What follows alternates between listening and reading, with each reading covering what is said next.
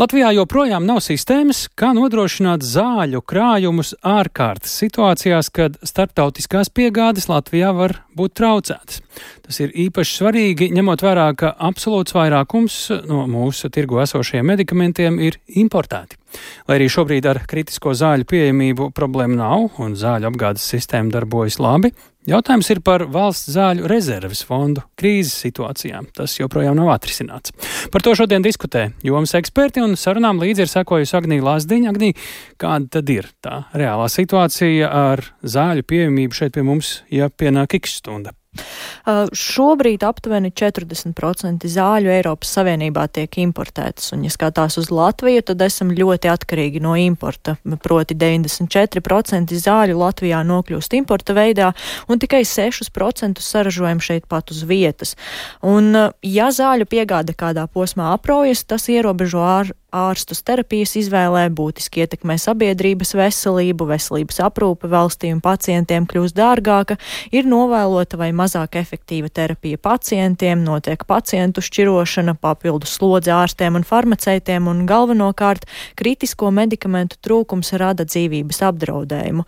Un iemesli, kāpēc Eiropas Savienībā zāļu trūkst, ir dažādi, kā piemēram birokrātiskās prasības, ražošanas procesi, piemēram dabas katastrofas vai plūdi, Tāpat arī izēvielu piegāde, jo 60 līdz 80% aktīvo farmaceitisko vielu Eiropas ražotājiem ražo Ķīnā vai Indijā, kā arī cenu politika, jo, ja zāles ir lētākas, jo mazāk tās ir arī pieejamas tirgū.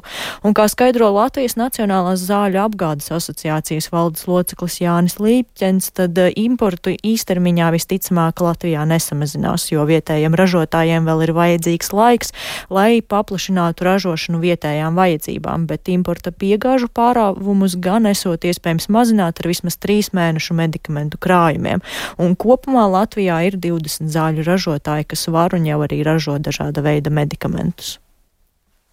Tas, kurš ir atkarīgs no importa, viņš ir atkarīgs no ārējiem apstākļiem. Viņš nav situācijas noteicējs. Līdz ar to, protams, kad vietējās ražošanas veicināšana tas ir politisks izšķiršanās solis. Un, ja valdība ir gatava atbalstīt vietējo ražošanu, tad tas ir tikai atbalstāms solis. No pacienta arī no nozares viedokļa ļoti atbalstāms solis.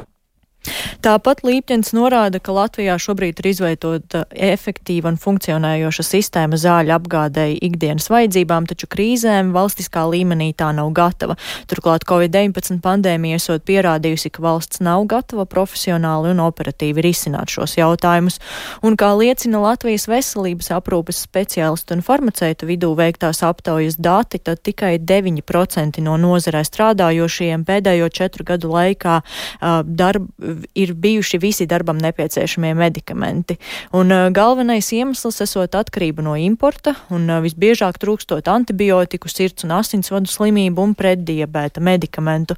Uh, savukārt tikai 11% no aptaujātajiem speciālistiem uzskata, ka valsts ir sagatavota medikamentu apgāde iedzīvotājiem ārkārtas situācijās, turklāt tikai 13% jūtas pietiekami informēti par to, kā tiktu nodrošināta medikamentu apgāde un izsniegšana pacientiem šādās situācijās. Un lielākā daļa mediķu un farmaceitu uzskata, ka Latvijai būtu jāveido valsts zāļu re rezerves fonds. Bet, eh, kā skaidro veselības ministrijas nozares krīzes vadības nodaļas vadītājs Juris Raudovs, šobrīd notiekot intensīvs darbs sadarbībā ar farmācijas nozari un lieltirgotavām, jo ir izveidots kritisko zāļu saraksts, lai tad saprastu, kas ir nepieciešams x stundai un kā tās izvietot un saglabāt.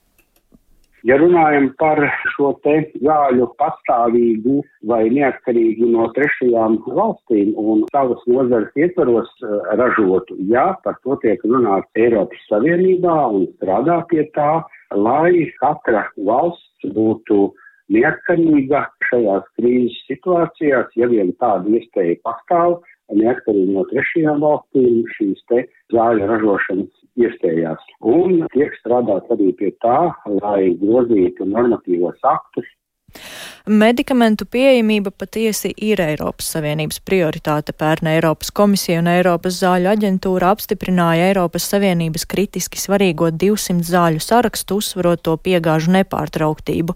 Tāpat arī Eiropas komisija publicēja ziņojumu, ka medikamentu fiziskā pieejamība iegūst ar vien lielāku aktualitāti un valstīm arī nacionālā līmenī ir jāmeklē risinājumi pietiekumu krājumu izveidē, lai nodrošinātu iedzīvotājiem nepārtrauktu zāļu pieejamību.